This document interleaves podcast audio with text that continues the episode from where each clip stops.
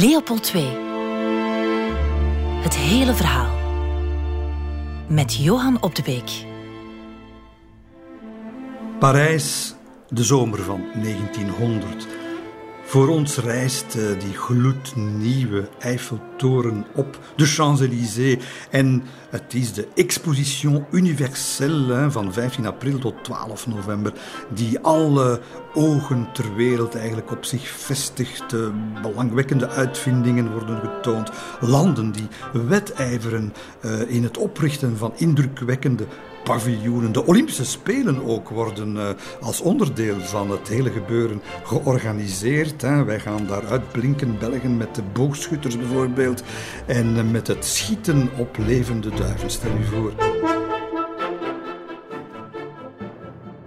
Nieuwe, nieuwe gloednieuwe hotels ook op die Champs-Élysées. Eh, in die tijd zeker en vast niet de, het massatoerisme.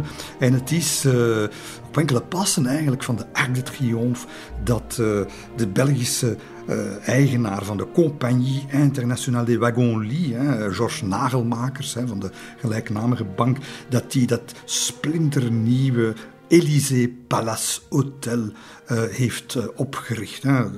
Kolossaal hotel, vier verdiepingen, helemaal in Art Nouveau, uh, met uh, prachtige boogramen. Enfin, je kan het zich voorstellen, een geweldige plek waar natuurlijk de, de groten der aarde die de, de, de wereldtentoonstelling willen komen bezoeken, zich uh, bevinden. En uiteraard, want dat waren, dat waren goede vrienden, hè, Leopold II en Georges Nagelmakers, uiteraard logeert Leopold daar niet in, een, niet in een kamer, hoor, ook niet in een suite. Hij een hele verdieping waar hij gebruik kan van maken.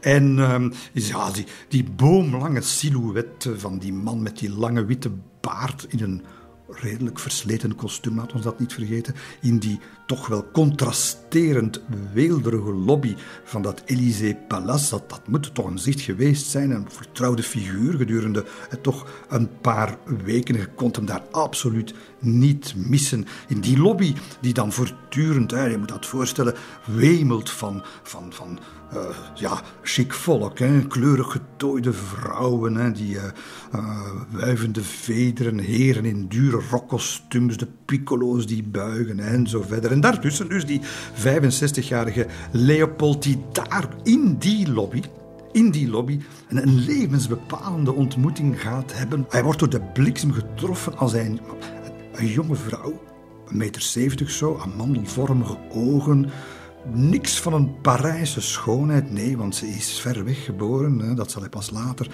uh, ontdekken. Maar, maar wel tot in de puntjes verzorgd. Hij ziet ook dat het niet door die klassieke demi-mondaine uh, is. Die, ja, daar, heeft hij, daar heeft hij kennis genoeg over.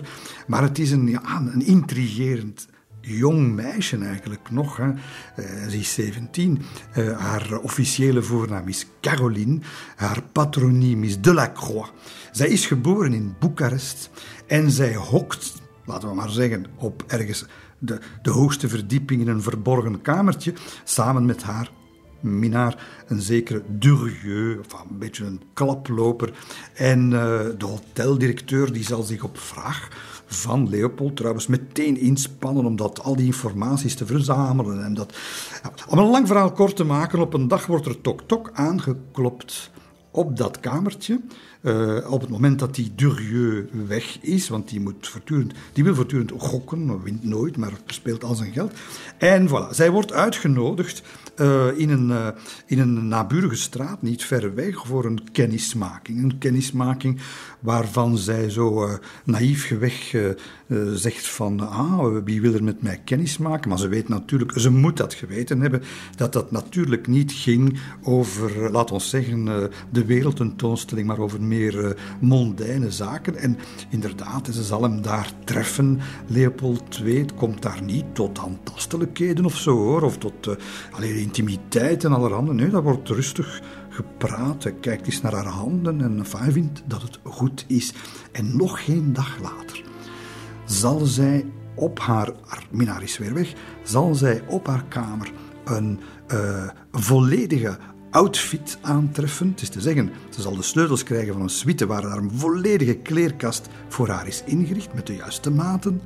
En een dikke portefeuille met tienduizenden francs en een uitnodiging om de man die ze ontmoet heeft twee dagen geleden te vergezellen. Naar waar?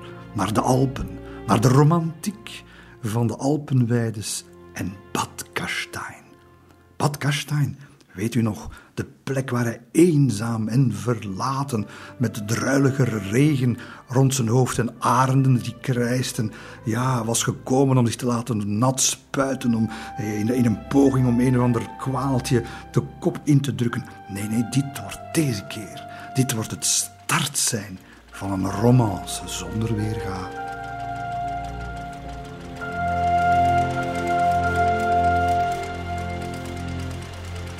Leopold is daar aangetuft eh, in eh, Bad Gastein met zijn auto. Uh, een spektakel moet dat geweest zijn, want die auto dat was een, uh, een tweecilinder van het Belgische merk Piep. Hè. Het is de piep waarmee hij eigenlijk naar de Alpen rijdt en dan toch wel zeker op de klam, op de bergkam bij Bad Gastein. Dat is een kleinigheidje met een hellingspercentage van 20%. De, ronder, de, zouden er misschien niet over geraken. Wel, de auto ook niet. De piep begint te sputteren en te stotteren. Die valt toch wel stil zeker. Tot groot jolijt van de plaatselijke boerenbevolking die hem dan moeten... Kunt u dat voorstellen? Zeg, die hem dan met een, met een kar, met paard en kar, moeten ze die glanzende, glimmende, reusachtige auto met decapotabel, waar dan die lange, boomlange figuur met die lange baard, waarschijnlijk zo nors als wat, voor zich uitkijkend inziet. En zo is die dan naar boven getrokken, naar dat kastijn.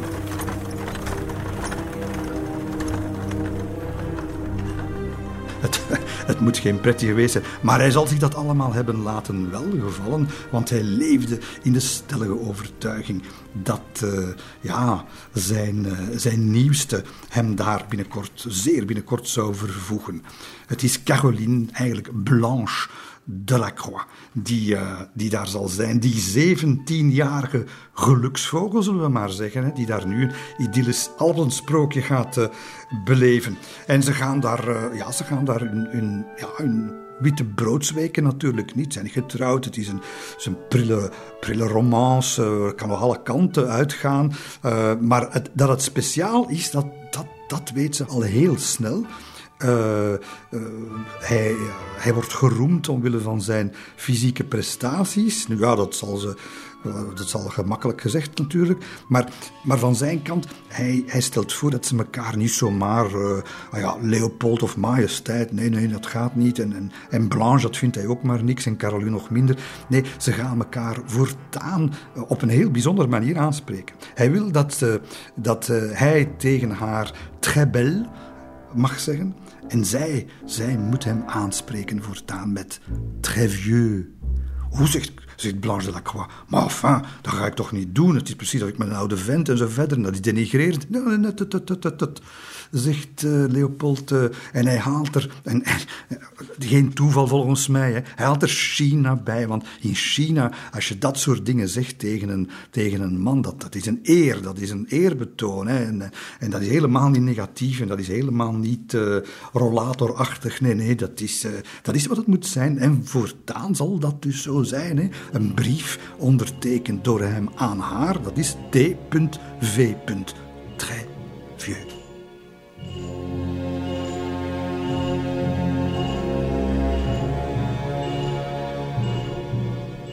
En na Bad Gastein uh, komt zij er ook snel achter, Blanche Delacroix, dat het menens is. Want uh, uh, ze hebben gestoeid en gedaan, maar ze mag mee, ze moet mee naar Brussel. Klein probleem, want hij is nog altijd wel getrouwd.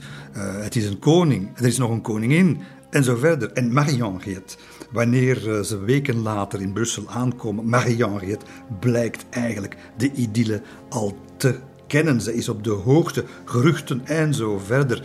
Uh, dat is uh, niet makkelijk om te leven. Zij wordt uh, ondergebracht, luxueus. In het begin is dat nog wat op en af pendelen richting Parijs.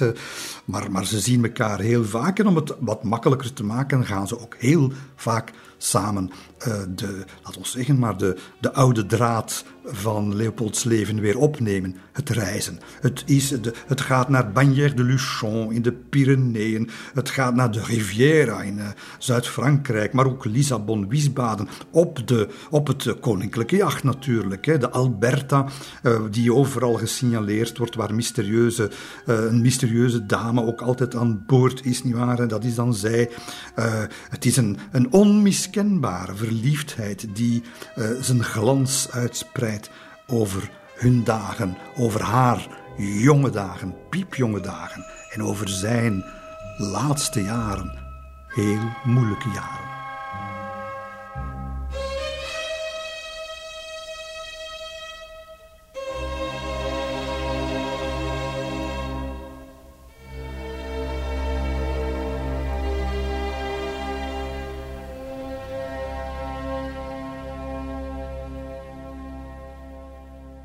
Intussen uh, moet die koning Leopold natuurlijk niet vergeten dat hij nog zijn eigen familie heeft en met name ook drie dochters, Louise, Stefanie en Clementine. Ja, dat zijn koningskinderen, maar ook uh, tevens drie ongelukkigen, want uh, het zijn telkens levens die, die, die, die je in feite zo uit een ondergangsroman zou kunnen plukken. Louise bijvoorbeeld, de oudste, die is 15 jaar.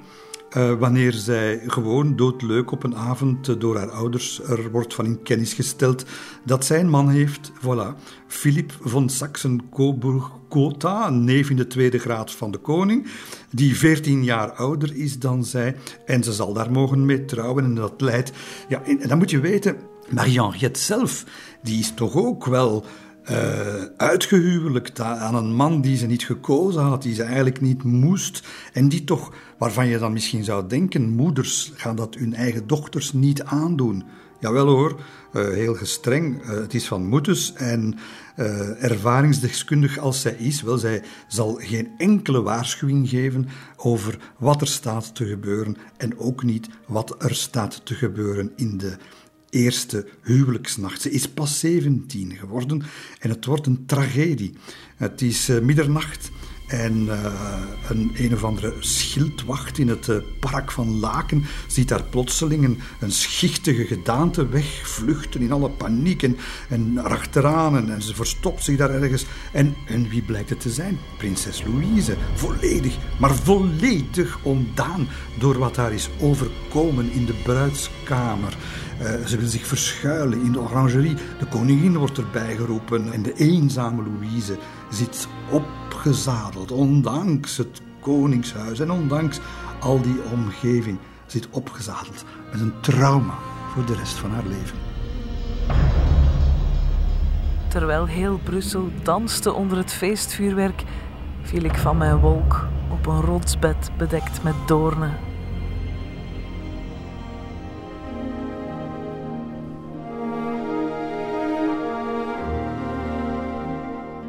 Nu, Louise uh, is ongelukkig, zit daar in Budapest uh, uiteindelijk waar ze woont, in een, in een veredeld burgerhuis. Niet te vergelijken met een, met een uh, Schönbrunn of een Hoofdburg of zoiets. Met, met veel opgezette vogels en wapens en brons en zo. En helemaal haar ding niet. ja, heel snel gebeurt wat moet gebeuren. Hè. Bals, uitstapjes, die laat ze niet links liggen hoor. En, en mooie mannen al even min. Want uh, bijvoorbeeld de aartshertog en de troonopvolger Rudolf, die, die beschrijft ze in een brief als een volbloed hengst, kunt je al denken. En ze begint een relatie met graaf Keza von Matatich Keglevich onuitspreekbare naam, uh, maar ook een buitenechtelijke verhouding met alle mogelijke problemen en, en onwaardige dochter natuurlijk in de ogen van, van Leopold en keizer Frans Jozef die, die boos is. En dat, dat, dat, gaat eigenlijk, dat, dat gaat eigenlijk leiden tot een soort van vlucht vooruit bij Louise. Uh, een, een, een, vrouw die met haar minnaar uh, ja, heel Europa gaat doortrekken en daar overal bovendien op krediet kan leveren. Want ze, ze heeft een reputatie. Ze is namelijk de dochter van een van de rijkste mensen van Europa, Leopold II. En schandalen die zich opstapelen en, enfin, uh, in, in, in, het milieu waarin, waarin, men, waarin men verkeert. In een milieu waarin haar vader eigenlijk, niet te vergeten, ondertussen zelf de scheve schaats driftig bereid. Maar zijn dochter, oh nee, dat, eh, dat, eh, dat mag niet. Hè. Ja, gendergelijkheid, we zijn, er nog, eh, we zijn er nog niet op dat moment. Leopold II. Het hele verhaal. Met Johan Op de Beek.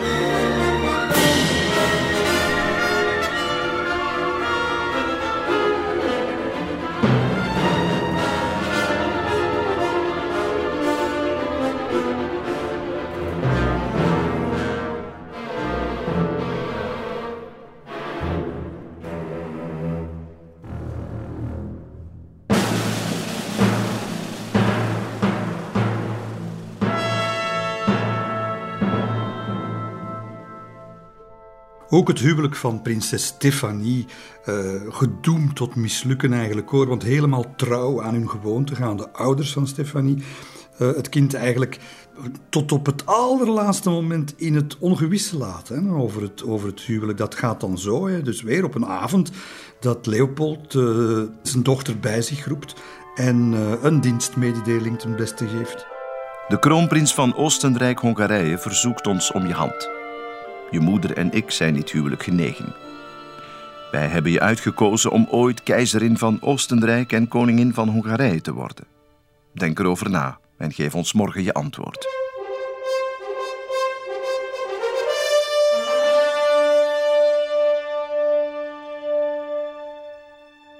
En wie is dan de, de gegadigde? Wel, het is de man waarvan haar zuster Louise zei dat het een, eh, een, een volbloed hengst was. Het is Rudolf, aartshertog Rudolf, die er niet beter op vindt om wanneer hij voor de verloving naar Brussel afzakt, uh, meteen maar zijn eigen maîtresse mee te brengen. Uh, en, en, en zeggen, Leopold weet dat, hè? en weet dat dat soort dingen. Ja, maar wie is hij natuurlijk om aanstoot te nemen aan dat soort tijd verdrijven. Een kindbruidje, daar moeten we van eh, spreken, die daar uh, ook weer helemaal alleen uh, naar Wenen mag verkassen. daar ook geen enkele steun heeft aan haar schoonmama, dat is de, de roemrijke Sissi. Uh, want die vraagt haar eigenlijk. Hè, als die op een keer haar in uh, Schönbrunn in het park ziet te wandelen, dan zegt ze: Tja, ik had niet verwacht vandaag Rudolf nog met die lelijke lompert te ontmoeten. Wat een sfeer moet dat daar geweest zijn. En Stefanie, uh, niet gelukkig. En ook in die eerste huwelijksnacht trouwens, hè, loopt dat al compleet mis. Eigenlijk net zoals bij Louise is dat een, uh, is dat een complete catastrofe. Uh, een meisje opnieuw dat eigenlijk... En het zijn zelfs uh, vrienden van de aartshertog die hem eigenlijk achteraf een beetje, want dat, dat gaat rond, hè, verwijten dat hij met al zijn kunde en voortvarendheid, dat, dat kind eigenlijk, dat hij dat meisje dat hij dat niet omzichtig genoeg heeft aangepakt in het, op haar eerste nacht. Ja, je moet er geen tekening bij maken en zeggen wat dat allemaal geweest is. En dan krijgt ze nog op haar donder van, uh, van uh, Marie-Henriette en van de vader van Leopold, omdat ze omdat ze er maar niet in slaagt om een kind te baren, een troonopvolger. Terwijl ze ondertussen uh, chirurgische ingreep heeft moeten ondergaan en eigenlijk onvruchtbaar is.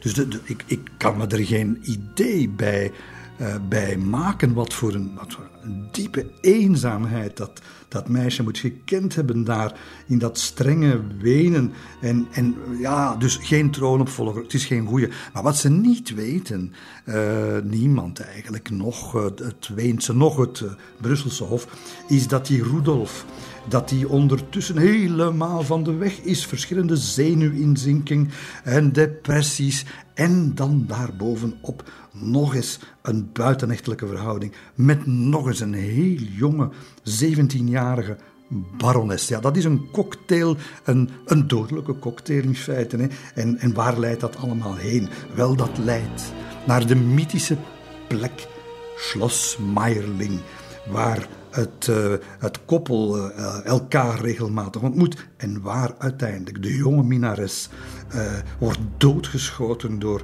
door, de, door haar minnaar, die dan vervolgens de hand aan zichzelf slaat. Dat is het huwelijk van prinses Stefanie.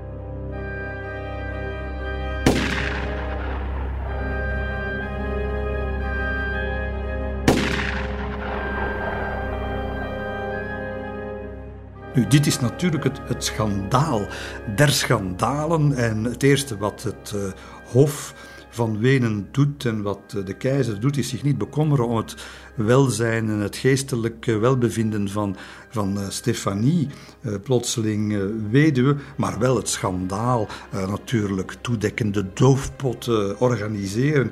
En, het, en, en, en ze, ja, schoorvoetend, ze kunnen niet anders natuurlijk, ligt, de keizer, ligt, ligt Leopold II in. Hè. En hij zegt er meteen bij, maar ik zou het toch liever hebben, laat ons maar wat doen hier. we, we, zullen het wel beredderen en, en liever niet naar hier komen. Ha, ja, maar dat, dat, moet je nu ook weer niet zeggen tegen een Leopold II. Hè? Want hij heeft die brief nog niet binnen. Of meteen, samen met Marianne, meteen de trein op. Hè? Uh, woedend over die rotmentaliteit van de Habsburgers daar. En twee dagen later stappen ze vastberaden uh, in het Weense uh, Westbaanhof. Stappen ze uit en meteen naar, uh, naar, naar, naar, de dochter. En vanuit Wenen schrijft de koning in een, weer een van die zeldzame brieven. Het is deze keer aan zijn broer. zeldzame brieven waarin, waarin je nog eens zijn hart voelt kloppen. Mon frère, onze reis was vermoeiend. De koningin heeft ze met grote moeite doorstaan. Tot in Augsburg was ze geen ogenblik rustig. Tijdens onze tocht door Oostenrijk hebben wij oprechte blijken van sympathie en achting ontvangen. In Wenen troffen wij de keizer en keizerin minder ziek en aangegrepen aan dan wij hadden verwacht. Wij kunnen de vertwijfeling van onze lieve Stefanie met geen woorden beschrijven. De koningin en ik hebben onmiddellijk na onze aankomst vier volle uren bij haar doorgebracht. Het eindigt allemaal in kommer en kwel. Eh, het liefst zou die Stefanie natuurlijk meteen Oostenrijk willen verlaten. En ze mag niet. Ze mag niet van de keizer.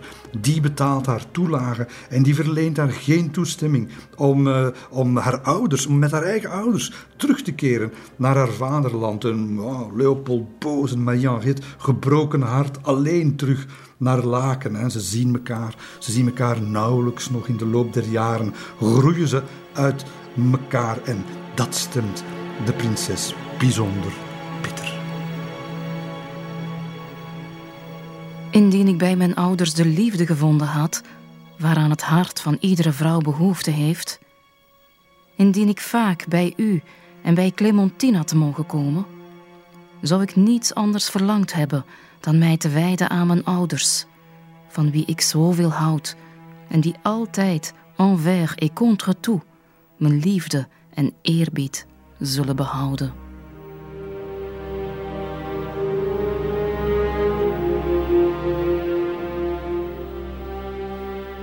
Het hoeft natuurlijk niet te verbazen dat ook de relatie met Stefanie, die met Louise, dat die ja, dat die helemaal dat die slecht wordt. En dan zeker wanneer, uh, wanneer ze haar eigen weg gaat hè, en, en zich verlooft uh, en trouwt later met, uh, met een man die helemaal niet door Leopold gekend en gekozen was. Hij moet, het, hij moet het zelfs in de krant vernemen. Dat, ja, dat leidt natuurlijk tot definitieve breuk. En dus met Clementine, de, de jongste, ging het redelijk, maar met Louise en Stefanie uh, helemaal niet.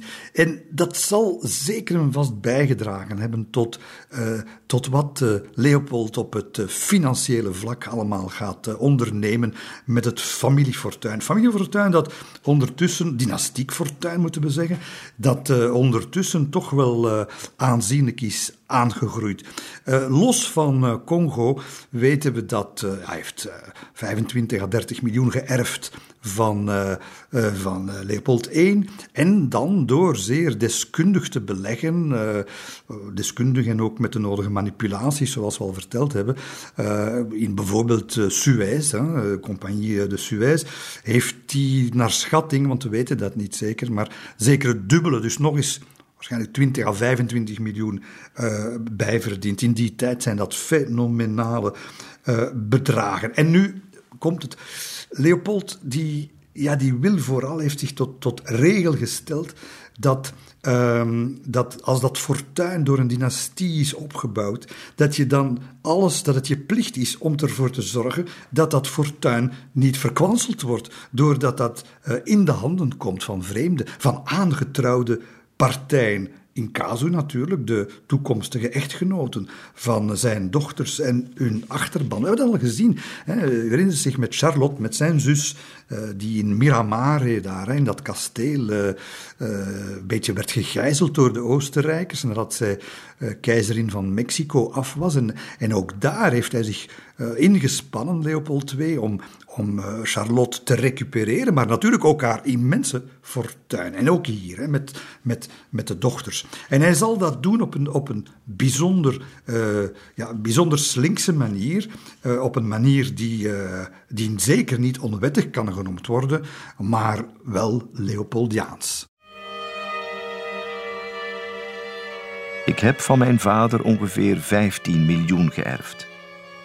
Ik wil dat mijn dochters die na mijn dood overerven.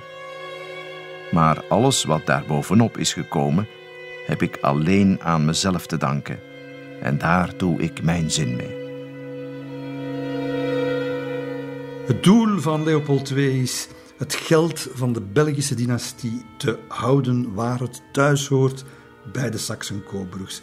En hij wil dus in geen geval dat ja, zijn dochters moeten het goed hebben, daar niet van. Maar in geen geval dat, dat de, de, de bulk van dat fortuin, ah, dat zijn materiële en immateriële activa allerhande, dat die zomaar in de, bij, wanneer hij er niet meer zal zijn, een toekomst die misschien niet ver af meer is, dat die in handen zomaar zouden vallen van die dochters.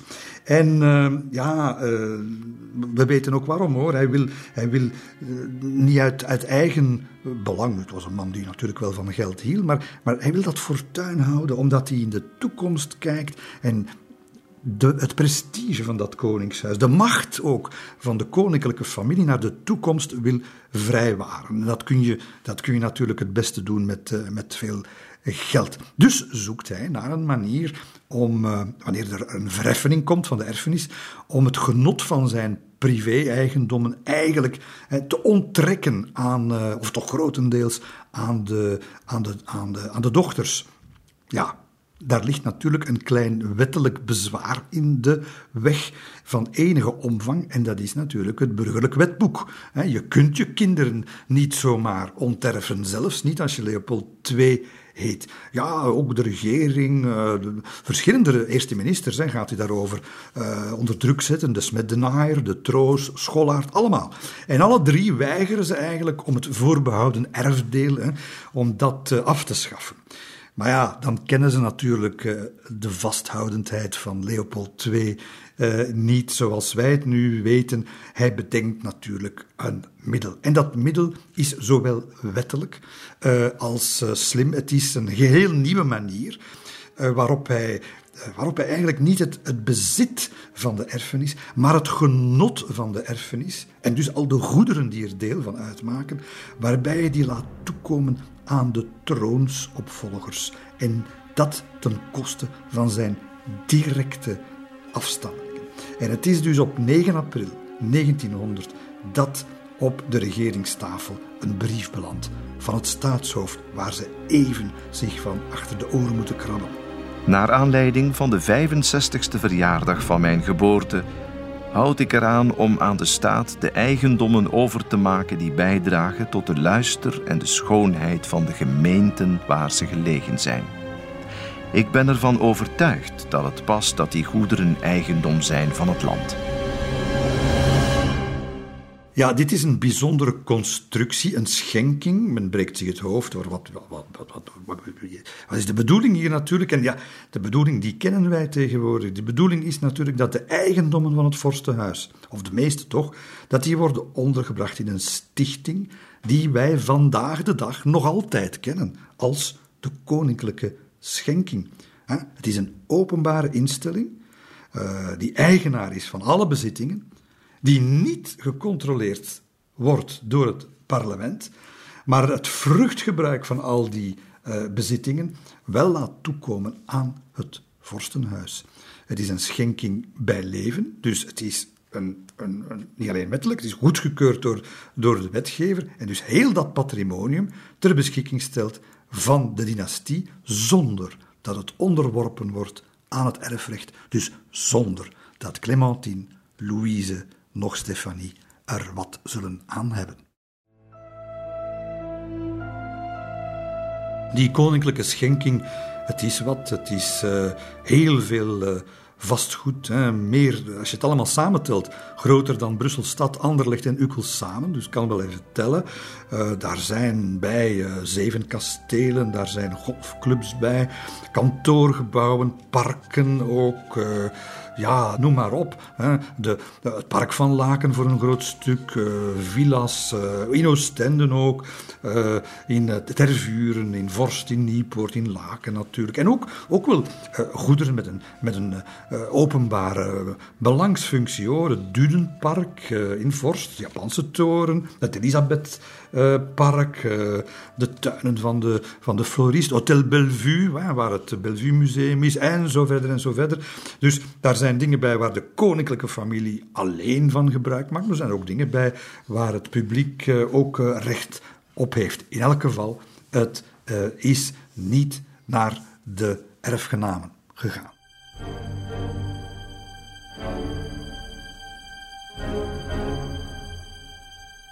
Het gaat om een gigantische ja, erfenis tussen aanhalingstekens waarvan uh, het toch drie jaar geduurd heeft voor de Belgische regering ze aanvaarde hoor. Want van 1900 duurde het tot 1903.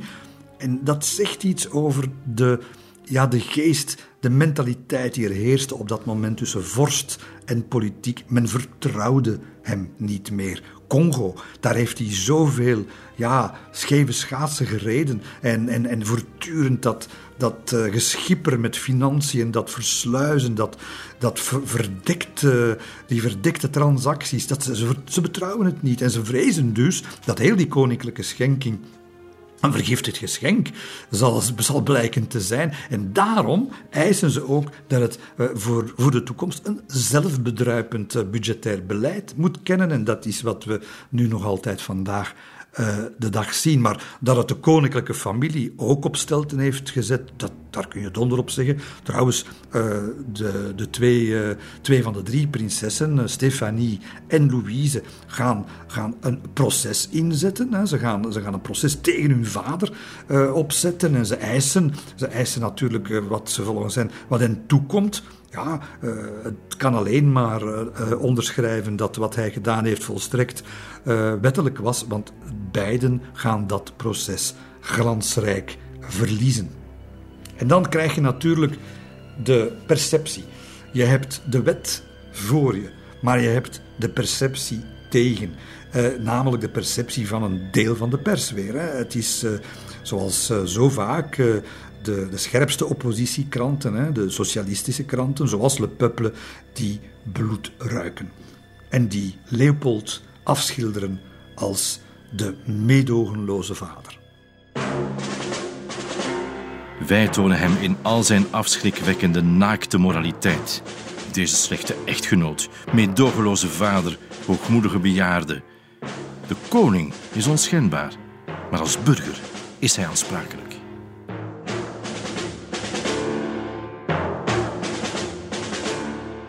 Die eerste jaren van de nieuwe eeuw, eh, er gebeurt, gebeurt van alles in de wereld, maar zeker ook in het leven van eh, Leopold II, die ja, die, die neergang van, van Congo natuurlijk en de, de steeds kritischere geluiden en zijn weerspannige reacties daarop. Maar, maar natuurlijk ook in dat privéleven, het gehakketak met zijn dochters en de, ja, de controverse rond zijn minares, Blanche de la Croix, u weet wel, très en hij très vieux. ze hebben het een beetje gehad, ja, zeker hè, met België het, het, interesseert hem zeker nog, maar, maar voortdurend moet een present geven en, en dan de kranten lezen die het toch alleen maar over de hekel halen. Hij heeft er genoeg van. En dan heb je nog het probleem dat hij met uh, het stijgen van de jaren uh, ja, de, de gezondheid, uh, zoals bij ons allemaal, gaat er niet op uh, vooruit, maar meestal op achteruit. En dat is bij de koning niet anders. Dus in de beste traditie van zijn leven natuurlijk reist hij van het ene kuuroord naar het andere. En zo belanden we in september 1902 ergens in de Pyreneeën, in Hotel Saccaron, in Bagnères de Luchon. Een plek die, uh, die mensen die de Ronde van Frankrijk volgen waarschijnlijk wel, uh, wel zullen kunnen plaatsen. En uh, ja, weer een brief hè, naar Jules Thiriard, zijn lijfarts van, van oudsher, dat het weer niet goed gaat met zijn, met zijn, met zijn, ja, met zijn gezondheid. Met de longen gaat het wel. De keel blijft gevoelig maar ik heb last van mijn hart. Het slaat te snel en ik voel me vaak in ademnood. Met mijn been gaat het beter, dankzij de douches en massages. Ik kan weer mijn tenen bewegen, voor het eerst in 50 jaar. Ja, het gaat beter met zijn been, maar we weten tegelijkertijd uit uh, de memoires van zijn ordonnans dat uh, de man eigenlijk soms geen stap kan zetten zonder pijn te voelen. En hij zegt het hem ook. Hij zegt, uh, mon cher, het is alsof men een nagel in mijn schoen heeft gestoken. Zo erg is het altijd maar uh, datzelfde ja, probleem met de, de, de ledematen. Um, waar is de koningin ondertussen? Ja, in elk geval natuurlijk niet in die kuuroorden, maar ja, in haar ja, teruggetrokken uh, bestaan in Spa. En uh, waar ze goed weet hè, wat er aan de hand is. Het is niet zo dat Marie-Henriette uh, een beetje in twijfel is of zo. Nee, natuurlijk weet ze van het bestaan van Blanche de la Croix en zo. En toch zal je nooit, uh, tenminste wat we weten uit brieven en getuigenissen, zal ze nooit een onvertogen woord over haar man spreken. Ja, misschien ook omdat ze in de Habsburgse opvoeding geleerd hebben dat men over dat soort trivialiteiten niet jammert of niet mag jammeren in koninklijke huishoudens. Nu, uh, men is, daar, uh, men is daar in de pers wel mee begaan hoor, want in de pers quotes uh, van, van, van kranten die, die het allemaal heel erg vinden wat haar eigenlijk in hun ogen overkomt. Die koningin is vrouw, moeder, echtgenote. Als vrouw wordt ze vergeten, als moeder verlaten als echtgenote vernederd en verstoten. Arme vrouw.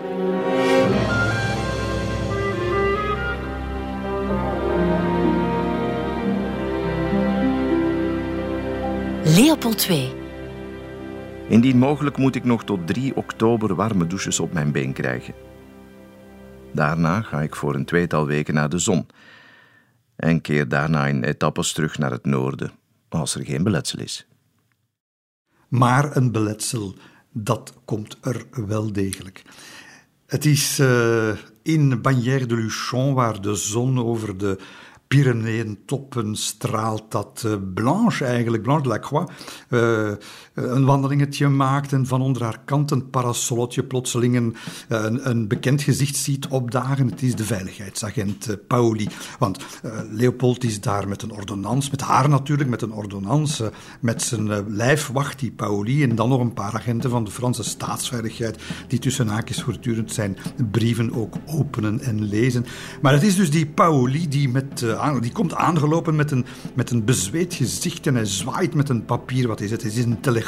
Voor de koning, hijgt hij. En ja, zo verneemt Blanche, de jonge Blanche, het nieuws nog voor uh, de vorst.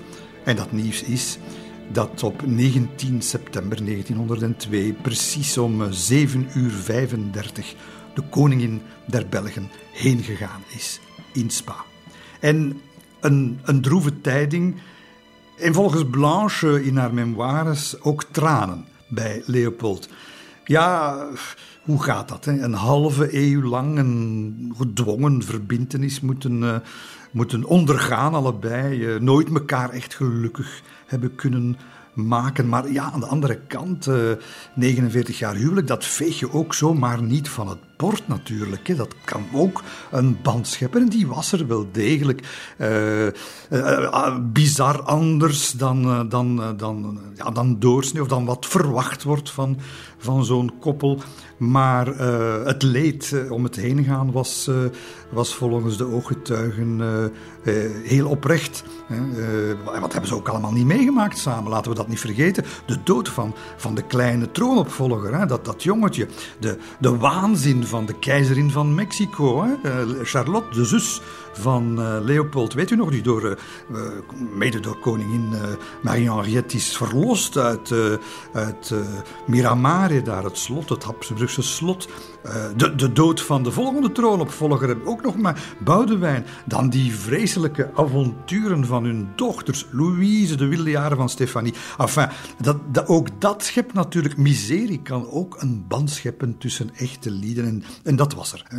Dus diepe emoties en natuurlijk niks uh, sprake nog van nog een douche of nog, uh, laat staan, nog een etappe naar een of ander zonovergoten oord. Nee, nee, direct de trein op naar huis. Daar kent hij zeker een vast zijn.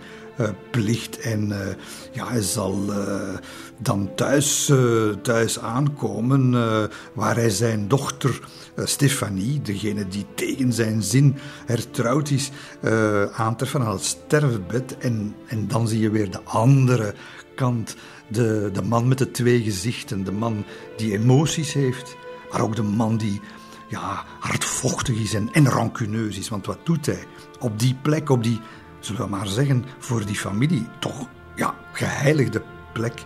Hij stuurt Stefanie gewoon weg van haar gestorven moeder.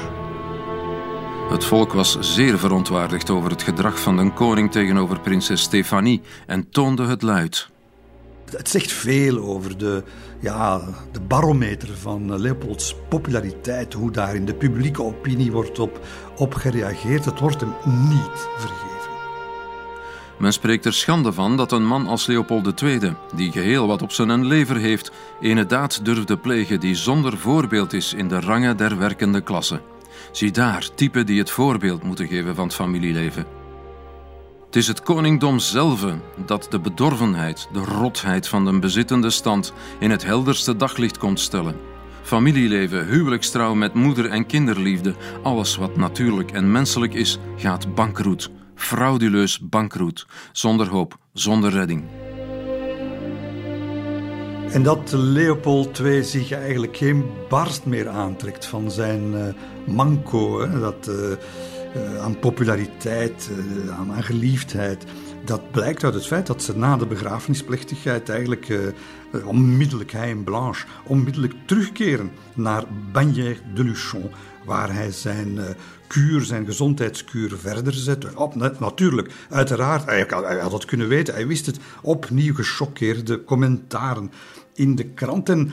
Uh, ja, kwade geesten zouden dan kunnen zeggen, of bijgelovigen zouden kunnen zeggen, hij is er bijna voor gestraft, want uh, nog datzelfde jaar zal hij een Te Deum laten opdragen uh, in de kathedraal in, in, Brussel. En dat Te Deum is ter ere van zijn overleden vrouw. Ik zou het voorstellen, grote stoet en duizenden mensen aan de kant van de straat en koetsen die over de keien hobbelen. En ja, we leven in een periode, want ik zei het aan het begin, het is, het is een, een zeer. Er gebeurt van alles langs alle kanten. En wat gebeurt er onder meer? Wel, terrorisme. Terreuraanslagen, moordaanslagen op uh, liefst op staatshoofden door anarchisten, door mensen die de maatschappij uh, uh, willen veranderen, maar met grof geweld. Hè. Er ontploffen bommen in het parlement van Parijs. men, men bestaat het om in een café een, een explosie aan te richten in de beste IS-stijl, toen al. Hè. keizerin Sisi de grote keizerin, wordt neergestoken uh, aan een van de prachtige meren uh, in het Alpenland. En uh, in, in, Amerika worden er presidenten neer. En ook in Brussel, want tijdens de stoet, terwijl de koets door de wedstraat rijdt, gevolgd door andere koetsen, verbergt zich in het publiek een anarchist met een revolver. En hij wil de koning der Belgen neerknallen daar ter plekke.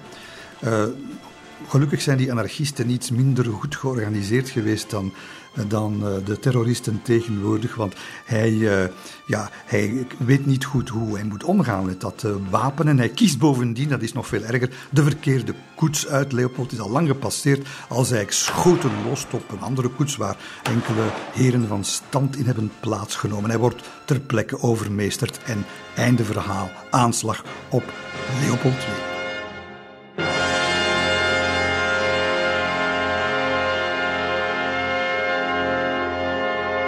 En nog steeds in datzelfde jaar, 1902, uh, na, naast al die andere sores, is er natuurlijk ook dat aanslepende, gigantische politieke, die gigantische politieke krachtmeting in België, die draait rond democratie, die draait rond het algemeen enkelvoudig stemrecht, gewild door de socialisten, door de progressieve liberalen, door de radicalen en door de, de dansisten, maar natuurlijk uh, door de, de, conservatieve liberalen en vooral de machtige katholieke partij uh, helemaal niet zo gewild. En uh, het is geen kwestie van, van politieke strijd alleen. Nee, het is een fundamentele strijd in de Belgische samenleving, waar mensen op straat komen niet om vijf frank meer te vragen, maar om hun basisrechten, zoals bepaald in de Verklaring van de Rechten van de Mens uit 1789, opeisen, waarin zij medezeggenschap willen in wat er gebeurt, wat er beslist wordt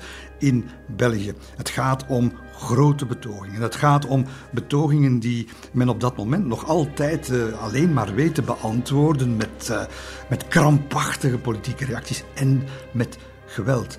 En het zal in de aprildagen van 1902 zijn dat in een stad, de vredige stad Leuven, het bloed over de keien stroomt wanneer uh, de garde civique, de, de burgerwacht, uiteindelijk de wapens opneemt en schiet op betogers, mensen die met het nodige kabaal en met de nodige stemverheffingen, dat is waar, maar die gewoon opkomen voor hun basisrechten. Wij willen stemmen. En ook in andere delen van, uh, van het land, in Binge, in La Louvière, ja, semi-opstandige situaties, crisissfeer, uh, waarbij de socialisten, de BBP, uh, eigenlijk haar eigen acties niet meer in de hand heeft. De regering al voorbereidselen treft om zelfs het leger opnieuw nog eens op straat te sturen. In, in Brussel wordt het, het huis van de, de katholieke topman Woeste zelfs aangevallen. Hij zal jarenlang met bodyguards over straat moeten gaan. Er wordt, uh, er wordt uh, met, uh, met, met zuur gegooid en met stenen in het gezicht van politiemannen in de Marollenbuurt rond het justitiepaleis. Enfin, het, het, het is werkelijk een, een soort van ja, bijna opstand en het, het ja, Leopold woeste. Hoe reageren ze met zware woorden? De dictatuur van de straat is geen reden om de invoering van de totale suprematie van het aantal te gedogen. Dat, dat soort dingen worden dan, is, is de reactie. Maar doden, bloed en, en nog meer bloedopkomst, dat kan men niet negeren. En het zal er natuurlijk op uitdraaien, dat weten we, maar dat wisten ze toen uh, natuurlijk niet. Dat weten we, dat men uiteindelijk uh, ja, zal, uh, in de loop der jaren zal plooien en dat dat stemrecht verworven met bloed op de keien er komt.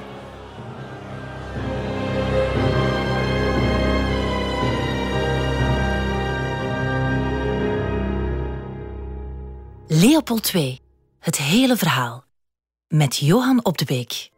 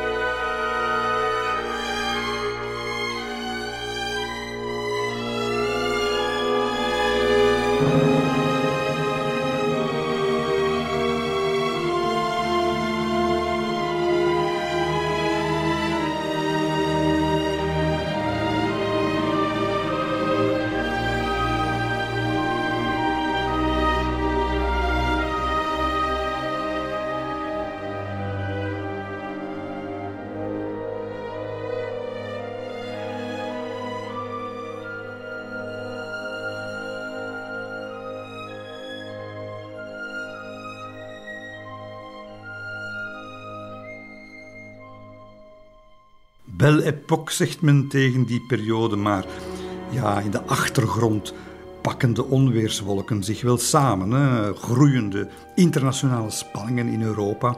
Je hebt eigenlijk een soort ja, een, een opdeling, hè? de allianties. Hè?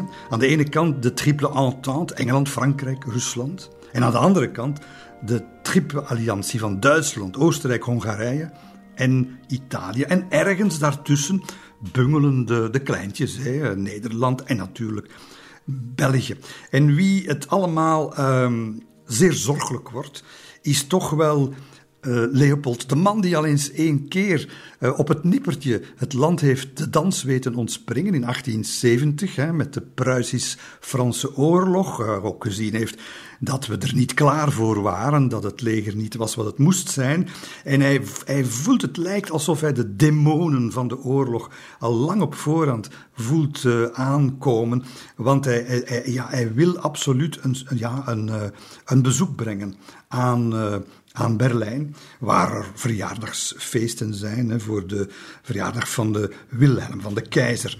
Een, een waterdicht voorwensel is dat om met de ja, de Duitse top uh, eens een goed uh, woordje te wisselen over. Uh, en vooral het, het, de temperatuur te gaan meten. Dat wil hij doen. Hoe staan we ervoor? Wat, wat, is, wat gaat onze rol zijn in een toekomstig conflict? hoe, hoe moet België zich opstellen? Wat, wat, wat staat er te gebeuren, met andere woorden? Iets wat hij doet en op dat moment geen enkele topminister doet. We moeten het erbij zeggen. En dus trekt hij naar, uh, naar Berlijn. Uh, wie komt hij daar of wie zal hij daar ontmoeten? Ja, het is de, de sterke man, de, nieuwe Duitse kanselier van Bülow. Uh, en, en natuurlijk de, de keizer. Er moet wel iets over zeggen over die keizer. want de kanselier Bülow die is een dat is een, een, politicus, luisterbereid, compromisbereid, gematigd eigenlijk nog wel. Maar dat geldt helemaal niet voor zijn meester, voor keizer Wilhelm II. Wat voor iemand is dat? Uh, een man die helemaal dol wordt uh, als hij een uniform ziet. Uh, bedenkt voortdurend zelf trouwens zijn vestimentaire uitmonsteringen. Nou, zes keer per dag wordt soms gezegd. Zes keer per dag gaat hij eens in een nieuw pakhuis. Altijd uniformen. Met een verbeeldingsdrang. Iets ongelooflijks. Met, en dan nog op die kop, die Pruisische kop. Zo twee potsierlijk omhoog geknurlde snor punten. U kan het zich voorstellen. Hij is natuurlijk een dankbaar portret voor spotprenten die, die keizer, uh, spotprenten waarvan hij zelf het grappige natuurlijk helemaal niet in uh, ziet. Hij is een praalziek man, een impulsief man, een onnadenkend mens, maar ontzettend veel macht in handen en beantwoord dus met andere woorden aan, wat, aan de definitie van een echt ongeleid projectiel. En dan heb je Leopold II, die op kousenvoeten altijd werkt. Die, de, de vos die eerst eens het pootje in het water steekt voor hij besluit of het wel een goede plek is om over te steken. Twee totaal verschillende persoonlijkheden, maar ze kennen elkaar goed. Het is het, het vlot allemaal perfect. En hij trekt daar dus naartoe in een, in een vrij optimistische stemming. Nu, ik vind dat, ik vind dat uh, eigenlijk een beetje naïef van hem, want hij had beter moeten weten, onze Leopold. Uh, hij had namelijk uh, kort daarvoor hè, had hij, uh, een, een, nogal eens een bezoek gebracht aan Wilhelm. En ehm, ja, hij had toen gevraagd om een badkamer te krijgen in zijn residentie in Berlijn met stromend warm water. Maar het is een buitenverblijf. En die keizer die denkt er nog niet aan om voor dat koninkje daar uit België extra kosten te gaan maken, sanitair te laten vernieuwen. Dus wat uh, wordt er bevolen? Wel, we gaan, we gaan hem gewoon uh, water geven en we zullen dan dat bad verwarmen. En ze verwarmen dat bad met een, met een, met een bunzenbrander, u kent dat wel. En dat, ja, een bunzenbrander onder een, onder een bad stoppen, dat leidt tot enigszins oververhit metaal. Dat leidt ook tot een door merg en been dringende pijnkreet wanneer die koning Leopold daarin plaatsneemt in die sanitaire kuip. En uh, we moeten erbij zeggen tot een uh, tijdelijke ongeschiktheid uh, van Leopolds achterwerk om plaats te nemen op een stoel.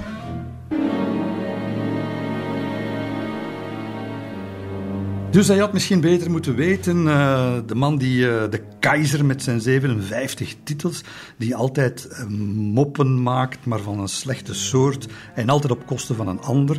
Wel, Leopold had, er, had ervan mogen proeven. zou hij daaraan gedacht hebben op de avond van 28 januari 1904, wanneer ze elkaar opnieuw treffen in, het, in de werkkamer van de keizer. En dat wordt uh, naar, naar, uh, naar eigen zeggen van Leopold, wordt dat een. Uh, ja, dat, wordt toch een historische ontmoeting. Ze zitten daar met hun tweeën eigenlijk. en het is, het is een soort conversatie waar, als, waar, waar Leopold. Hij, hij, waant zich, hij waant zich in een, in een, niet in een sprookje, in een soort van. alsmaar toenemende nachtmerrie. Want die keizer, die Die, die, die laat er eigenlijk geen, geen geheim over eh, liggen dat, uh, dat men op weg is naar, uh, ja, tot een, een conflict. En dat men ook in Duitsland verwacht dat België de kant van de sterkste zal kiezen. Het is te zeggen, een soort van ja, pan-Germaans front. En hij heeft daar al een prijs voor. Uh, wat zou u ervan denken zegt uh, Wilhelm II, uh, eh, om de Bourgondische gebieden die, tussen Frankrijk en Duitsland liggen, ooit behoorde dat toch bij jullie regio, om die terug te krijgen. Hè? Zou je niet graag de, de Artois, de zuidelijke Ardennen, Frans-Vlaanderen, zou je dat niet graag terugkrijgen? Hè? Dan zult u natuurlijk moeten kiezen. Hè? Dan zal u moeten kiezen voor Duitsland en tegen Frankrijk. En die Leopold die zit daar naar te luisteren, zeg hij. Hij moet zich een paar haren uit zijn witte baard getrokken hebben, maar houdt zijn mond. Hij houdt zijn mond, want hij, ja, hij kan niet anders. Hè. Dit, is onze koning daar, Leopold II, ook geen koorknaapje, laten we dat niet vergeten. Die, die wordt daar ongemakkelijk van. Is die, is die keizer, is die Willem, is die... Wat is dat? Is die dronken? Is die overspannen? Of is die gewoon knettergek? Hè? Want hij hoort hem een koehandel aanbieden. België moet zich binnenkort aan de zijde van de Duitsers scharen. En dan gaan we samen die Fransen is goed Mores leren. En dan kan u daar wat land gebiedsuitbreiding voor in de plaats krijgen. En Leopold, uh, die, uh, die, die, wil er zelfs niet over nadenken. En die antwoordt, ja, uh, kijk eens, uh, ik denk niet dat de Belgische regering en al helemaal niet het parlement oren zal hebben naar zo'n voorstel. Oh, dat, zijn, dat zijn uit de mond van een, van een monarch, in de ogen van Wilhelm II, uit de mond van een monarch, zijn dat slappe woorden. Hij wordt zo rood als een tomaat en hij begint bijna, bijna on, on, onuits, onuitspreekbare woorden uit te stoten. En hij zegt ook, ik kan geen respect opbrengen voor een monarch die meent verantwoording te moeten afleggen aan parlementsleden of ministers in plaats van aan onze Heer in de hemelen. Ja, dat, Leopold II moet daar gezeten hebben, uh, toch met een, met een bang hart nu. Hè. Die man die lacht er niet mee, die is grof geschud. Uh, en hij, blijft maar doorrazen, hè, de keizer. Hè. Denkt u maar niet dat er met mij de zon valt. Als je niet voor mij bent, dan zet je tegen mij. Of dat soort, uh, dat soort nonsens kraamt hij echt uit. Maar het is verbijsterend om te horen.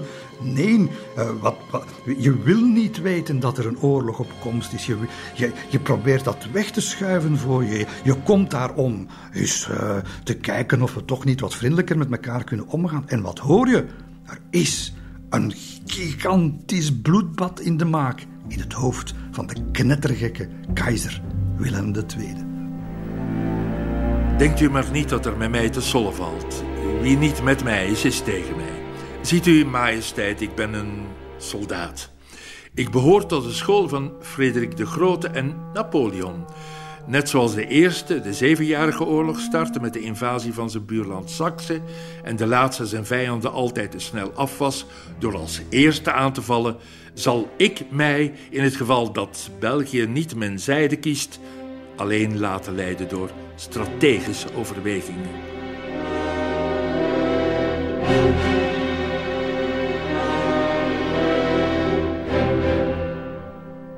Wat Leopold II dus te horen heeft gekregen in Berlijn is niks minder dan een, dat is niet zomaar een koehandel. Nee, dit is een ultimatum. Dit is het mes op de keel van België.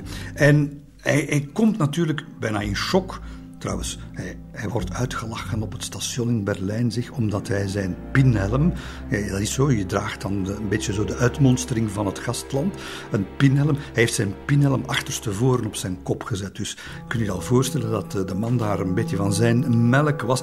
En hij komt eh, in Brussel meteen uh, regering, minister van Buitenlandse Zaken en, en, zo verder. En hij, hij, hij waarschuwt, let op, doet het hele relaas. en voor de zoveelste keer zegt hij, ons leger, we, moeten, we moeten ons voorbereiden op het ergste. Maar niks, hè. er komt geen uitbreiding van het leger, er komen geen soldaten bij, uh, geen uh, directe versterking van het Belgische fortenstelsel en dergelijke meer. En ja, die zoveelste uh, afwijzing van zijn bekommernissen om de defensie, dat maalt allemaal door zijn hoofd. Naar aanleiding van uh, een groot moment in de, in de geschiedenis van België. Dat is uh, het, jubileumjaar 1905. We bestaan 75 jaar. Dat gaat gevierd worden in de kathedraal, in, in alle provinciale hoofdsteden en zo. Opera's, La Muette, Portici natuurlijk uit 1830 wordt opgevoerd. En dan een absoluut hoogtepunt van, van, ja, van plechtigheid en plechtstatigheid. Uh, waar uh, op 21 juli op het Poelaardplein een uh, breed opgezette viering plaatsvindt. Waar achter het, het reizige justitiepaleis eh, tribunes oprijzen voor wel, wel 40 rijen hoog voor, voor duizenden en duizenden mensen, alle burgemeesters van het land en ambassadeurs, 200 journalisten uit de hele wereld. Eh, u, kan het, u kan het zich voorstellen. En politicus en strateeg die hij is, en, en toch ook wel soms wat Romeins volkstribuun die in hem schuilt. Hij heeft het op voorhand uitgedokterd. Dit wordt de gelegenheid, die viering, met al dat volk erbij. En met de, de beste middelen van de, de, politieke communicatie wordt het allemaal opgebouwd. De spreekkoren uh, in het Frans en in het Nederlands. Uh, mannen en vrouwen en kinderen die met drie kleurige vlaggetjes en optochten en wat. En dan de vorst die aan het, die aan het woord komt. Voor het volgelopen Poelaardplein waagt hij zich zo ver als zijn grondwettelijke status hem uh, toelaat. En met dat, moet je dat voorstellen, hè, met, met al dat volk voor hem, met dat geweldige justitiepaleis achter hem. Ja, ik zeg het, het is, het is Kikero die daar staat, want hij gaat zich werkelijk verheffen.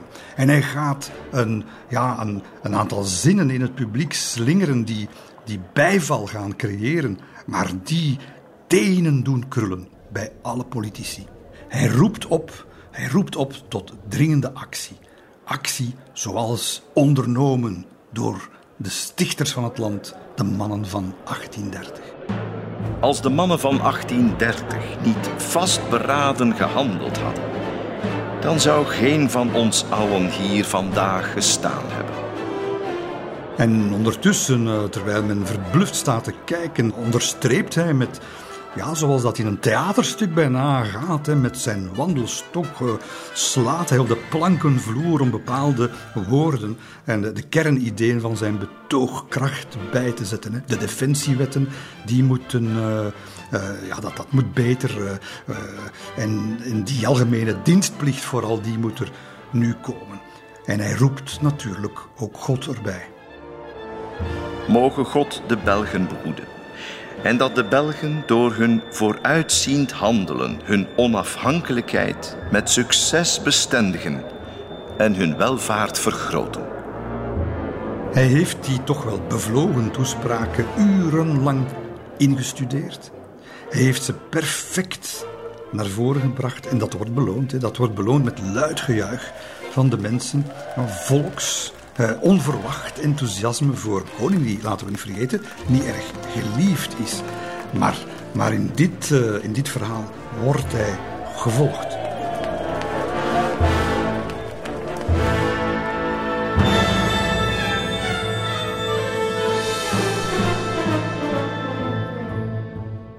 Leopold II heeft gesproken en hij zal het er niet bij laten. Hè, bij die toespraak op het Poelaardplein.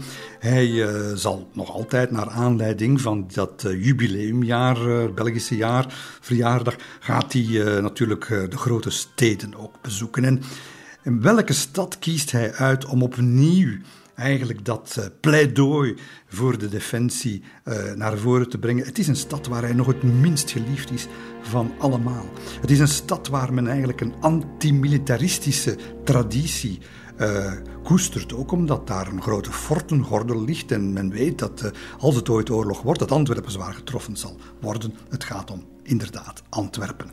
Nooit heeft een Belgische koning zich waarschijnlijk zo durven bloot te stellen in een toch wel, moeten we zeggen, vijandige omgeving en, en daar toch zo gevochten voor zijn overtuiging als Leopold II op 27 juli 1905 in de handelsbeurs in Antwerpen.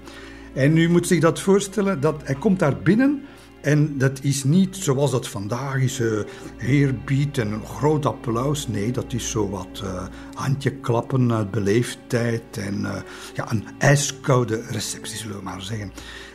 Maar hij, hij, wist, hij heeft, heeft zich daarop voorbereid en hij steekt na de nodige ditjes en datjes en de, en de welkomstwoorden, steekt van wal. Met een speech die de handelsbeurs gaat opwarmen en meer dan dat. De natie slaat de hand aan zichzelf wanneer zij de werken veronachtzaamt die haar toekomst moeten veiligstellen. Een volk dat niet vooruit gaat, gaat achteruit, glijdt snel weg als op het hellend vlak en riskeert in een lethargie te vervallen die lijkt op de dood. Wij hebben hier allen dezelfde belangen. Antwerpenaren en Belgen van alle gezindheden. Is het uw verlangen om tegen uw wil op het onzalige spoor richting verval te belanden? Rechtstreekse vragen stellen aan een publiek dat je mee wil krijgen. Het is een oude truc van de Romeinen.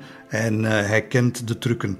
Hij kent de trucken en hij, hij roept het nu uit. Hij zegt aan dat publiek, uh, ja, hij heeft ze voor, voor die keuze gesteld. Hè. Moeten, wij, moeten wij allemaal samen maar blij zijn met onze ondergang?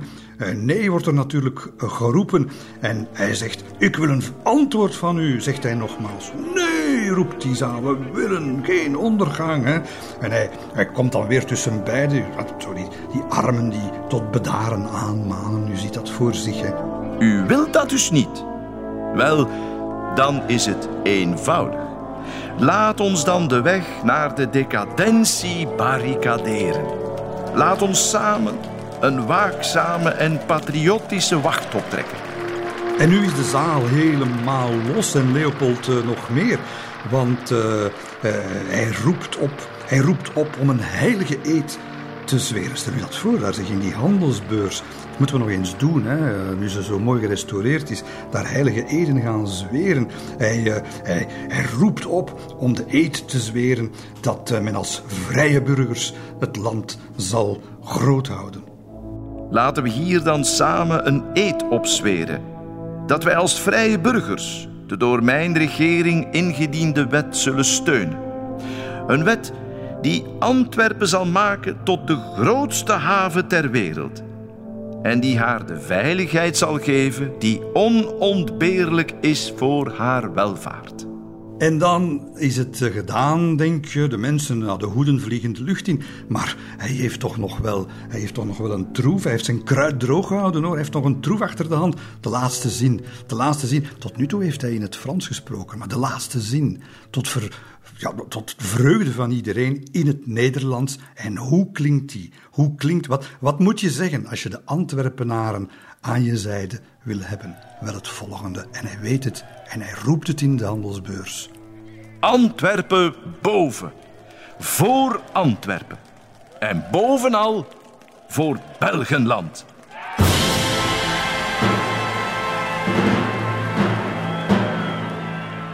Ja, het is, het is uh, onverwacht, het is direct. Directe taal van, van de vorst, dat is me niet gewoon. En ja, en dan nog in het Nederlands, het brengt iedereen in vervoering. Ja, iedereen in uh, Antwerpen misschien en uh, op dat Poelaardplein in Brussel, maar niet in het parlement.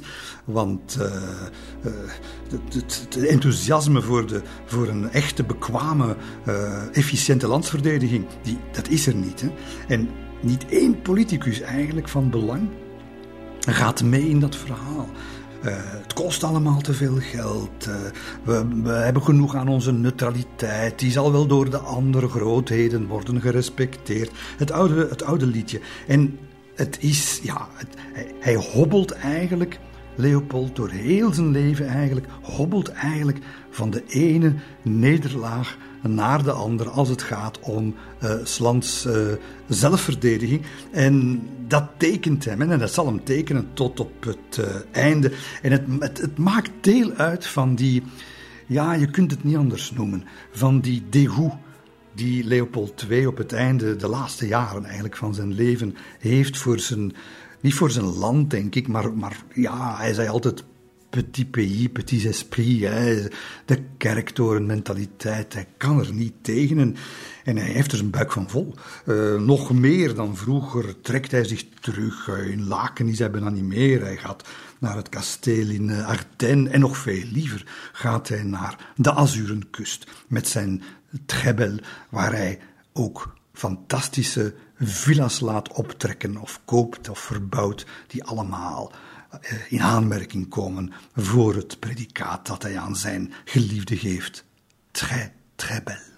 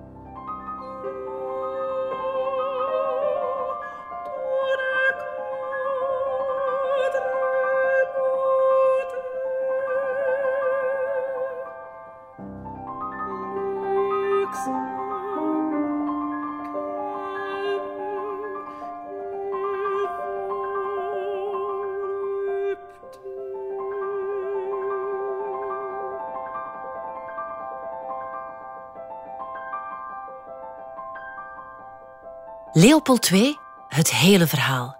Met Johan op de Beek. Het bodert niet meer tussen de koning en zijn land. En hoe komt dat? Hè? ja, die, paradoxale vorst, het is zo moeilijk te, te duiden soms, die, die uh, heel kwalijke kantjes heeft en heel goede kantjes heeft, die aan de ene kant dat, dat hardvochtige, meedogenloze beleid in Afrika voert. En aan de andere kant ja, toch rijkdom aan het land brengt. En, en, en vooral de defensie, de, de grootheid, de economische leefbaarheid van dat land nastreeft. Zeer paradoxaal. En dan heb je, ja, dan heb je een tijdgenoot nodig, dan heb je een auteur, een schrijver vaak nodig die dat kan vatten. En een van die mensen is toch wel een van de, van de oudere Vlaamse journalisten en, en schrijvers. Het is Karel van de Woestijnen, die dat eigenlijk heel helder analyseert. Heel de carrière van Leopold ligt immers in drie woorden: een verlangen, een bewustzijn, een zelfoverschatting. Die dorst naar heerlijkheid, die wel de koning zou zijn te baten gekomen, maar eerst de natie hadden vergroot. Een handelsuitzetting met het colorarium van een kolonie, de Antwerpse haven, tot de eerste van het vasteland gemaakt. Brussel, een wereldhoofdstad. De koning werd bewust en met de bewustheid van eigen vermogens moest noodzakelijk misprijzen voor de onderdanen reizen. Want die onderdanen waren heel geringe, heel vreesachtige, heel gedwee luidjes. We mogen nog zo joviaal zijn, nog steeds dragen wij in onze rug de herinnering aan eeuwenlange slavernij. België, slagveld van Europa, tevens voorraadzolder van alle overwinnaars, is bang. Was het althans, voor een paar tiental jaren nog, voor vrije handeling, voor durf, voor al te wijde horizonten. We waren, ach, wij zijn nog een land van klein praktische lieden. Wij geloven niet in wat niet onder het onmiddellijk bereik ligt van onze uitgestrekte armen. Slechts sedert een vijftig jaar gaan we, grotendeels onder konings aandrift, beseffen wat zaken zijn kunnen en durven we iets wagen. En nog steeds, nog steeds zijn kunsten en wetenschappen bij ons iets als een gevaarlijk curiosum. Wij zijn, wij waren voor Leopold II in alle werkelijkheid een klein land.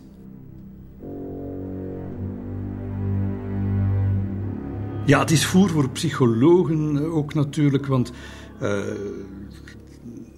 het uitblijven van die fierheid waar hij zo, die hij zo nastreeft, de ondersteuning van zijn land die hij niet krijgt, dat maakt hem bitter en dan begint hij minachtend eigenlijk te worden over, over het land. En dan in die laatste fase die Van de Woestijnen beschrijft, die zelfoverschatting, ja, die was er toch ook wel zeker een vast. Hè? Uh, hij begint zichzelf geniaal te vinden op het einde.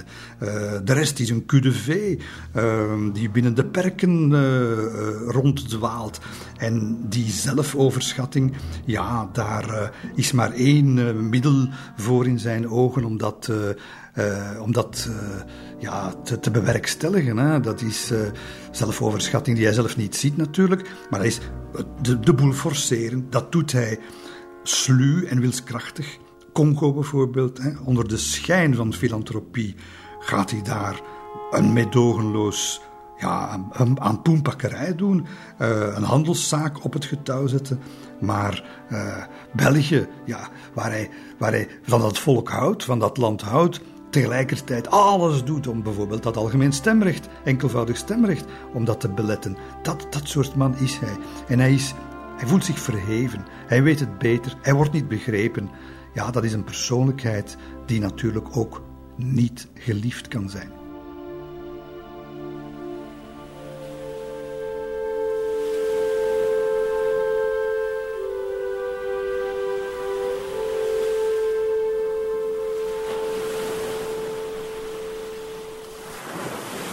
Het zonlicht glanst als bladgoud in het water.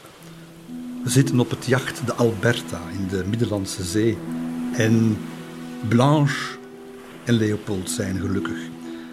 Het is eh, de winter van 1905 op 1906, eh, het zoveelste relletje over, uh, over Congo en zijn vreselijk beleid. De zoveelste ruzie over de defensie van België zijn achter de rug. Ze, ze, ze zijn echt ze zijn gaan lopen. ze willen onder elkaar zijn en ze zitten daar in de lute op het dek van het schip te kijken naar een andere wereld.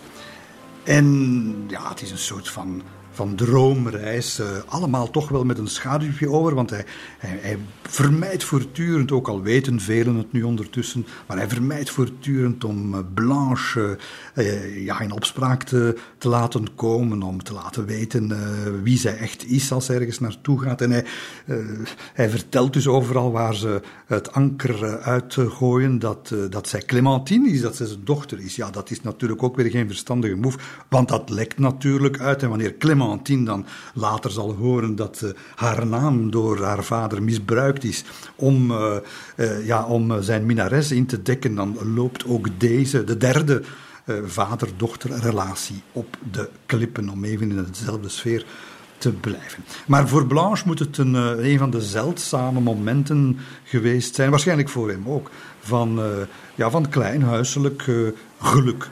Uh, en van, uh, van veel activiteit, want uh, hij is 71 jaar.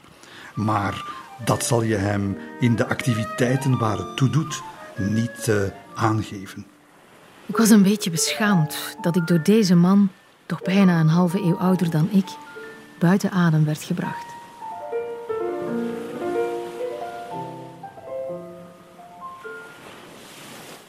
Snel moe, maar dat is niet alleen uh, omdat uh, Leopold uh, hyperactief is, maar ook om een andere reden.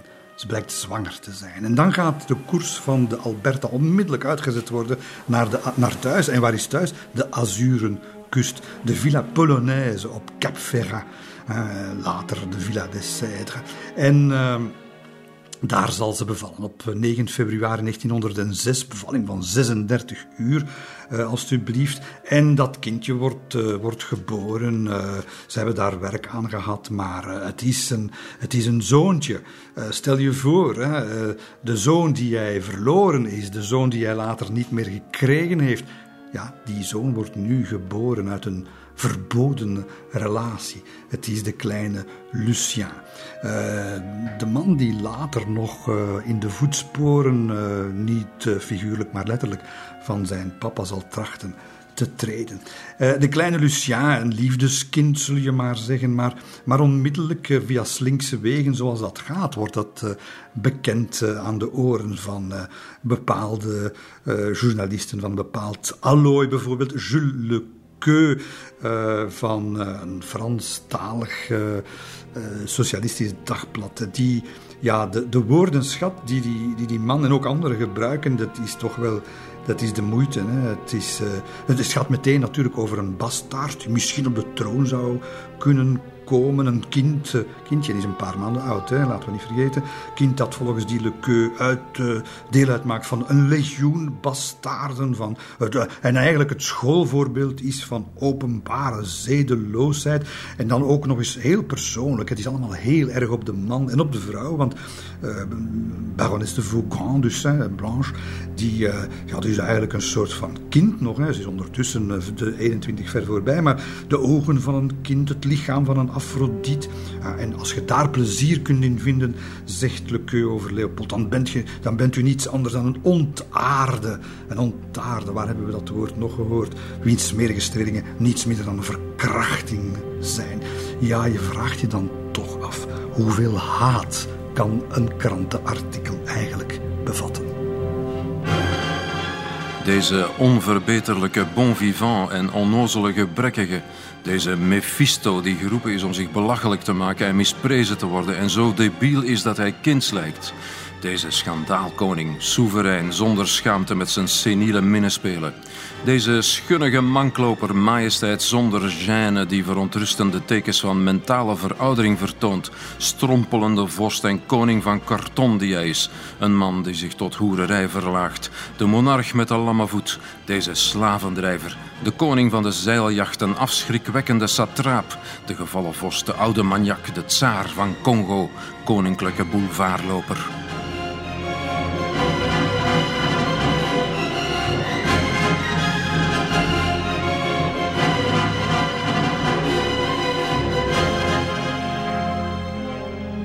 Een omhooggevallen hoer wordt ze in de krant genoemd. Uh, en in de straat wordt ze behandeld als een pest, een pestleider, hè, uh, Blanche. En hij, Leopold, uh, hij meent het hè, als hij zegt de populariteit dat kan me gestolen worden. Maar zij, dat, die jonge vrouw, ze weet er geen raad mee. Ze is niet bestand tegen dit soort gif.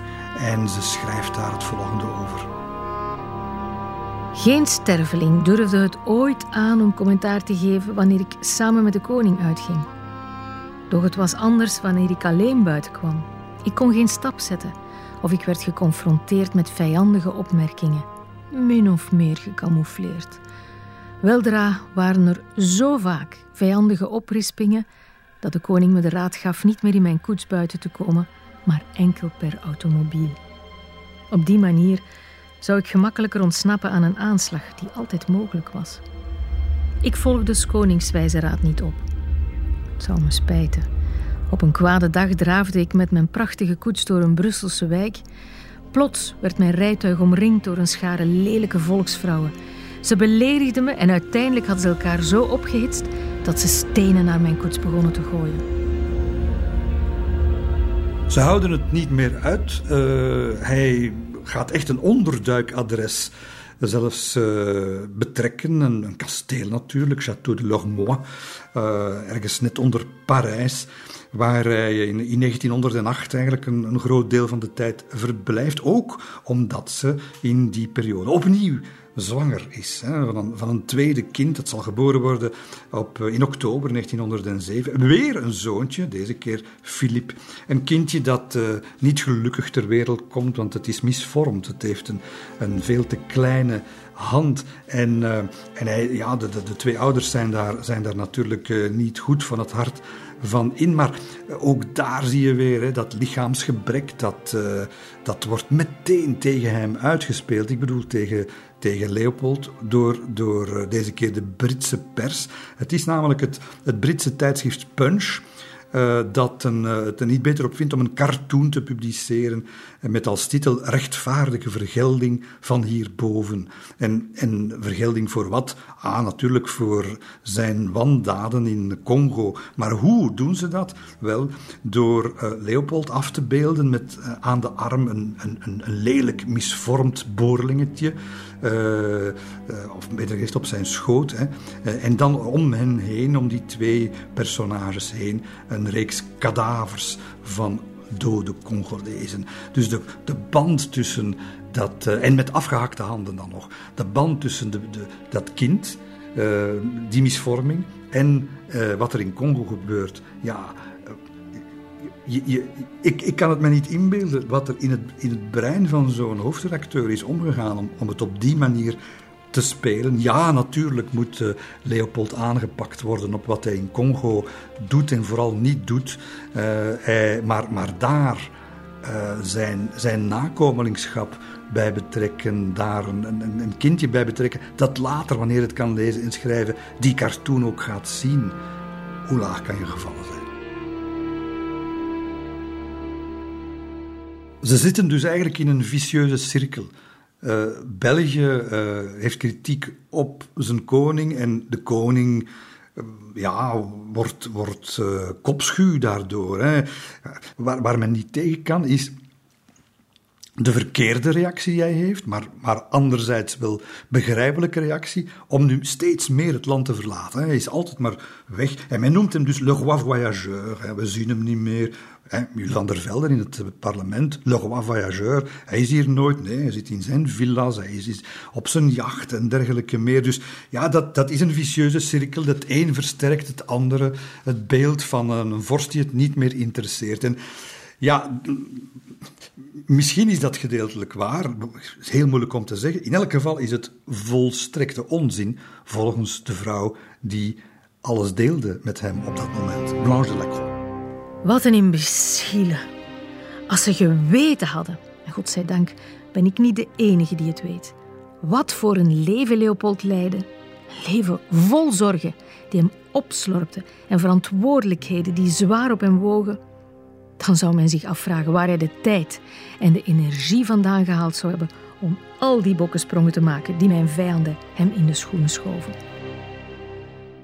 Het kan allemaal wel zijn wat eh, Blanche hier zegt, maar het feit dat hij uh, zeer veel uithuizig is uh, en dat ministers of gezanten hem soms moeten komen opzoeken aan de Azurenkust in plaats van dat hij hen ontvangt in Laken, ja, dat, dat zet kwaad bloed. En het zegt ook iets over de, de machtsverhouding tussen de politiek enerzijds en de vorst anderzijds, die, weet u nog, in vorige afleveringen hebben we dat al gezien, hoe, hoe hij op het einde van zijn leven, daar zitten we nu, uh, dat de duimen moet leggen als het over Congo gaat. We hebben dat in een vorige aflevering verteld, hoe Congo uiteindelijk Belgisch uh, wordt. Wel, die krachtsverhouding die uitzicht ook in het, in, de, ja, in het privéleven, zou ik zeggen, van, uh, van Leopold II.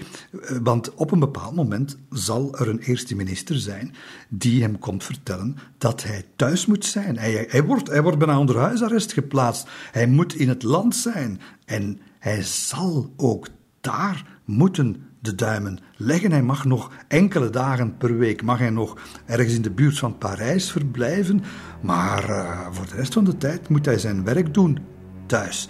En het zegt natuurlijk alles over ja, de, de, de populariteit die er niet meer is, de, ja, het ontzag dat er vroeger was bij de politiek, dat verdwenen is. En de kracht zelf natuurlijk, bij die ooit zo energieke vorst, die begint te talen.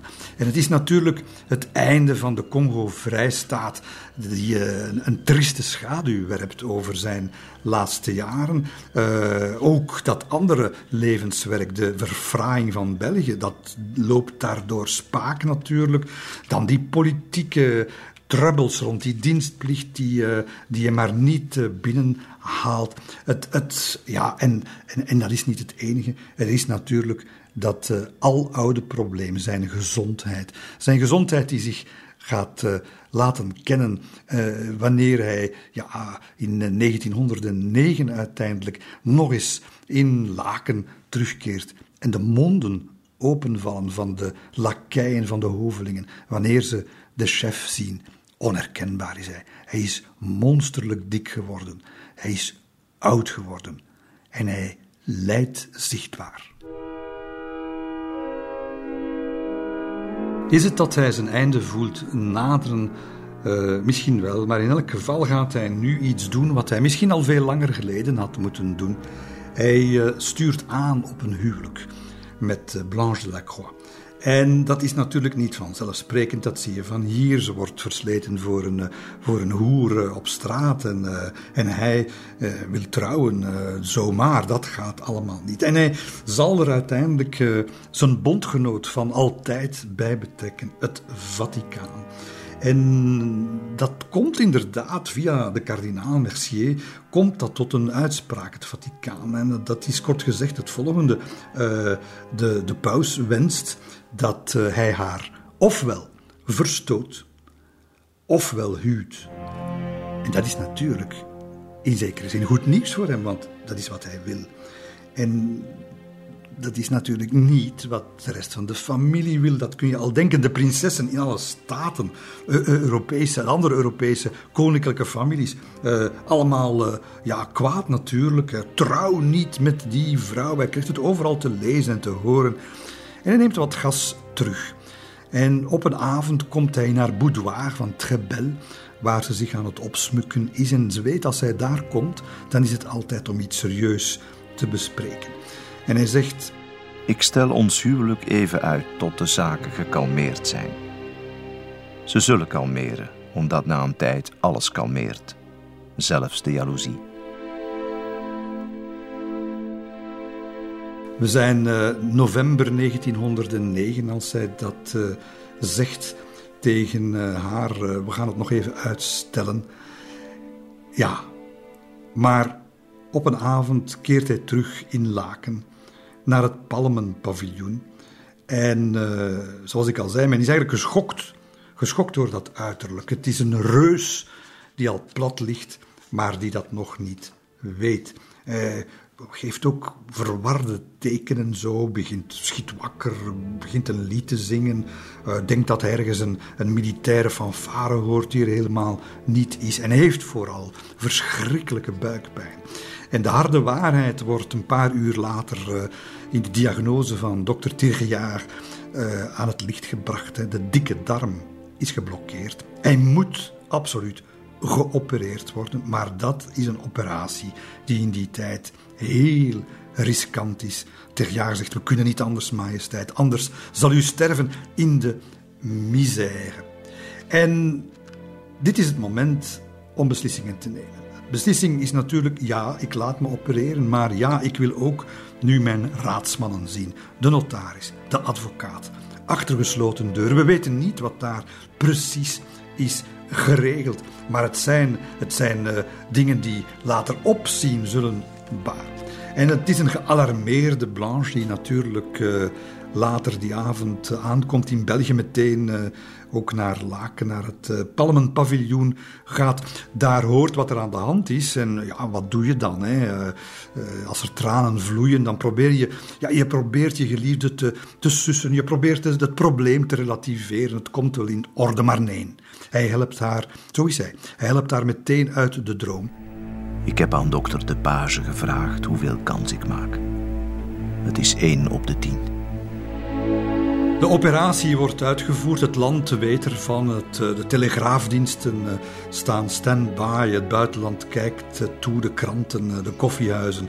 Iedereen heeft het erover. En er gaan nog twee heel belangrijke dingen gebeuren. Terwijl hij eigenlijk herstelt en het er misschien niet zo slecht uitziet na die operatie. twee zaken. Eén, hij gaat alsnog het huwelijk aan met Blanche Lacroix. Dat gebeurt op zijn sterfbed, moeten we zeggen. Uh, en dat wordt een christelijk huwelijk. Het is de, de deken van Laken die dat voltrekt. Een huwelijk dat natuurlijk later voor heel wat tegenstand en, en geen aanvaarding zal kennen. En het tweede wat er gebeurt, en dat is, dat is ook heel merkwaardig, is dat het tot een soort van vereffening komt, een soort van verzoening komt tussen de koning en de politiek. Want het is eerste minister Schollaert niet de eerste, de beste, een, een harde, man waar hij veel uh, meningsverschillen mee gehad heeft, maar die uiteindelijk uh, ja, toch iets gaat uh, kunnen aankondigen, terwijl de, de koning achteruit gaat, uur na uur, iets aankondigen dat hem zal opgemonterd hebben. Het is namelijk zover. Het parlement is bereid om een algemene dienstplicht in te voeren. Het politieke ideaal waar Leopold II eigenlijk van het begin, jaren, decennia geleden, voor geijverd heeft. Het is zover. En hij zal ook trouwens zeggen aan, uh, aan de dokters: kijk, je moet mij in elk geval, wat er ook gebeurt, hou mij in leven tot volgende dinsdag. Want dat is, uh, op die dag zal de defensiewet uh, door het parlement gestemd worden. En ik wil die wet tekenen. Wel nu, hij heeft ze getekend. En niet nadat hij nog een laatste, het moet een ontroerende conversatie geweest zijn. Uh, een laatste conversatiegesprek met eerste minister Schollaert. Mijn beste minister, de waarheid is dat ik zeer spoedig heen zal gaan. Ik wil het nogmaals zeggen aan u, in wie ik vertrouwen heb. Alles wat ik ooit als koning heb gedaan, heb ik alleen gedaan met het welzijn van België voor ogen. Ik troost mij met de wetenschap dat ik het land zal achterlaten met een leger dat in staat is het te verdedigen. En ik geloof dat het spoedig nodig zou kunnen zijn. Maar het zal lukken. houdt veel van België en blijf wensen dat dat bestaat. Het land verdient het.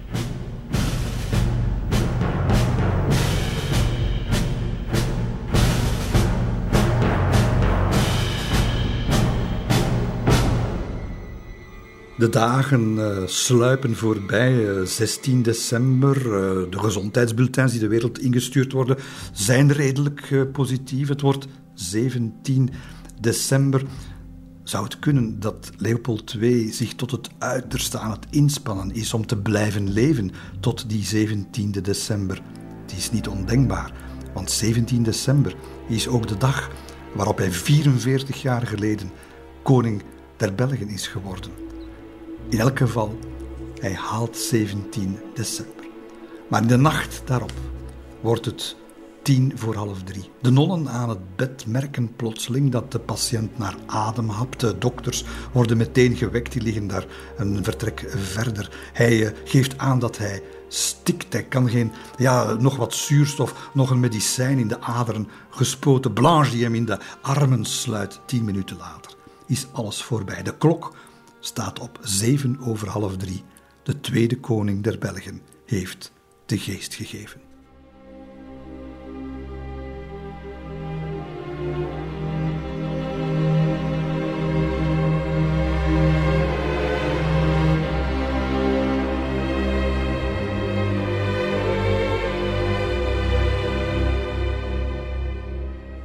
De koning is dood en daarmee zijn we ja, aan het einde van deze geschiedenis aanbeland.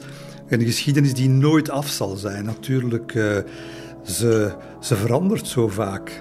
Het is uh, zeker met dit soort figuren die ons voor raadsels soms plaatsen, voor morele dilemma's ook, voor interpretatieve keuzes plaatsen, dat we, ja, dat we steeds opnieuw weer uh, tot een debat komen en, uh, en onszelf de vraag moeten stellen: we denken alles te weten, maar, maar is dat zo? En, en dat, dat, beste luisteraar, is een verhaal dat nooit zal stoppen. Bedankt voor uh, het lezen en het luisteren en misschien tot een volgende keer.